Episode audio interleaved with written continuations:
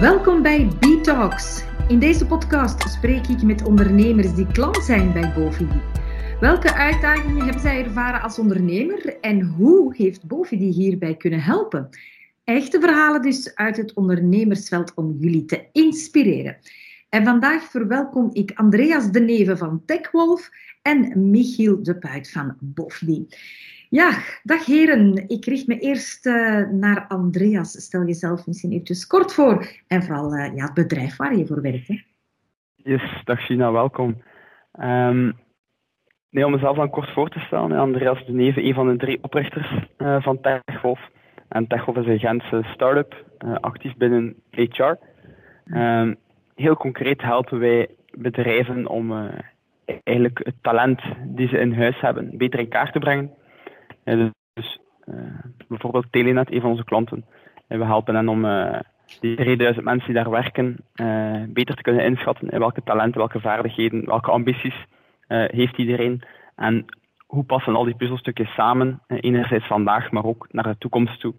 Um, want de wereld zal er, zal er in de toekomst toch in veel bedrijven anders uitzien dan het er vandaag uitziet. Mm ja.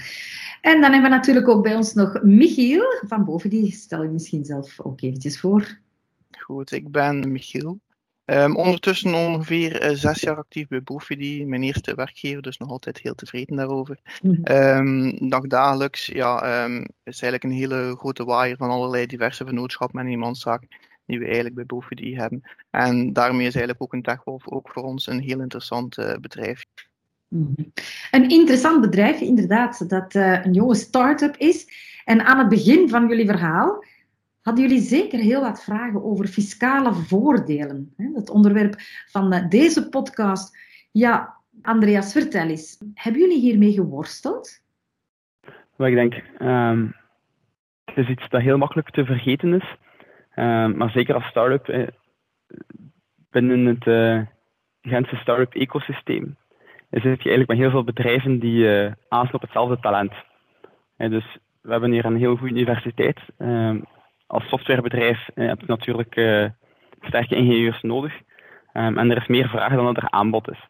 Mm-hmm. En nu, wat wij hebben gemerkt binnen, binnen TechGolf, een manier om, nee, niet de enige manier, maar een manier om dat talent naar je toe te trekken, is om daar eigenlijk heel, um, heel gunstig fiscaal loonpakket te kunnen aanbieden als, je, als je moet strijden met, met een aantal van de grotere start-ups en scale-ups in Gent, die, die op hetzelfde doelpubliek azen, die eigenlijk een volledig geoptimaliseerd loonpakket hebben, um, waar dat de, de, medewerker netto veel meer aan overhoudt dan, dan, dan standaard, ja, dan moet je daar al uh, heel diep uh, in, je, in je portemonnee gaan uh, om die mensen hetzelfde te kunnen bieden. dus daar zijn eigenlijk ja, al die fiscale voordelen en, die, en die gunstige structuren en die rulings voor ons heel belangrijk om eigenlijk competitief te kunnen zijn op vlak van, uh, van salaris uh, met de markt. En om, ja, als je eigenlijk rapper op, op die nieuwigheden zit, en bijvoorbeeld het mobiliteitsbudget dat wij intern gebruiken, voor medewerkers die binnen de vijf kilometer van kantoor wonen, ja, dan, dan heb je een hele stap voor op, op de meeste andere bedrijven. Ja, slim gezien zou ik zeggen. En natuurlijk, je hebt dat niet alleen gedaan, je hebt je laten adviseren en begeleiden door Bovendien. Ja, Michiel, um, welke oplossing hebben jullie aangereikt? Wel, eh, na onderling overleg zijn we eigenlijk overgegaan tot het toekennen van een winstpremie aan de werknemers. Nu, in hoofden van de werknemer is dat eigenlijk heel interessant. Enerzijds is dat onderworpen aan een solidariteitsbijdrage van 13,5% en anderzijds is dat nog een keer een belasting van 7%. Hierdoor zal ongeveer 80% van de bruto toegekende winstpremie de werknemer eigenlijk netto in handen krijgen. En verder, inderdaad, Andreas uh, heeft al aangehaald, werden er verschillende onkostenvergoedingen voorzien, zodat de totale belastingdruk eigenlijk zo laag mogelijk blijft. Nu, een tweede puntje was eigenlijk het toekennen van de auteursrechten in eerste instantie voor de oprichters en nadien de mogelijkheid onderzoeken voor de werknemers. Nu, het ontwikkelen van een dergelijke skill engine is eigenlijk te aanzien als een intellectueel voortbrengsel en waarbij de, uh, de oprichters zeg maar, de ontwerpers zijn van de software. Zij ontwikkelen architectuur, de structuur en de wijze waarop dat de software is gebouwd en geschreven. Nu, inderdaad, aan de hand van recente rulings werd een percentage aanzien als overdracht van intellectuele rechten, waarbij zij uh, fiscaal kunnen genieten van het uh, fiscaal gunstig stelsel van de auteursrechten. Um, enerzijds is het tariefvoordelig, namelijk 15% zolang dat het een roerend inkomsten blijft. Um, maar anderzijds is er ook nog een keer een kostenaftrek van ongeveer van 50% op de eerste inkomensschijf die ongeveer 16.000 euro bedraagt. Dus um, is eigenlijk wel heel fiscaal interessant, die verloning. Mm Zijn er nog andere fiscale voordelen, Michiel, die je hebt uh, um, aangereikt? Uh, buiten gewoon hè, die verloning? Ja, klopt. Um, enerzijds als vennootschap zijnde kon Techwolf nog gebruik maken van enkele fiscale gunstregimes. Um, Enerzijds is vennootschappen die uh, fundamenteel onderzoek hebben of een experimentele ontwikkeling, uh, kunnen onder bepaalde voorwaarden genieten van vrijstelling van doorstorting van 80% van de bedrijfsvoorheffing van die onderzoekers die weliswaar aan het project meewerken. Nu, mhm. Andreas heeft de aanmelding met Belspogen voor zijn rekening genomen en eigenlijk de vrijstelling was nadien in feite dus mooi meegenomen als een start-up. Het tweede wat we nadien nog hebben bekeken is de innovatieaftrek, um, wat eigenlijk de opvolger is van de octrooiaftrek. Nu, via die uh, innovatieaftrek kunnen er netto-inkomsten voortvloeiend uit een aantal intellectuele eigendomsrechten voor 85% vrijgesteld worden. Dus dat zijn eigenlijk momenteel de concrete de zaken die we aan bod willen laten komen. Ja, Andreas, ik hoor graag van jou nog eens hoe belangrijk was die rol van Bofidi en ja, op welke manier heeft dat ook invloed gehad op je bedrijf?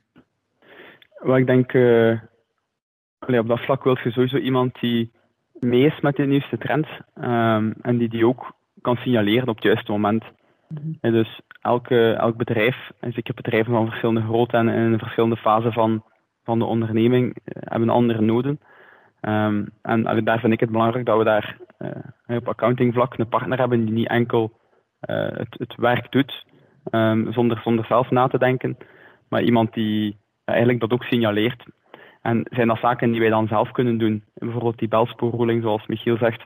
Um, en dat heb ik dan zelf in orde gebracht. Uh, des te beter. maar het signaleren is het allerbelangrijkste. Van heads up, dit en dit en dit kunnen jullie ook nog doen. Um, zijn die te technisch, dan nemen jullie die voor de rekening. Uh, zijn die niet zo technisch, dan kunnen we die zelf doen. Maar dat we daar eigenlijk meer echt een partner hebben, een sparringpartner. Uh, en niet zozeer uh, enkel een, een administratieve partner die, die puur de boekhouding doet. Ja, Michiel, is dat een doelbewuste samenwerking? Ja, klopt. Um, we willen zowel um, enerzijds meegeven welke mogelijkheden er zijn.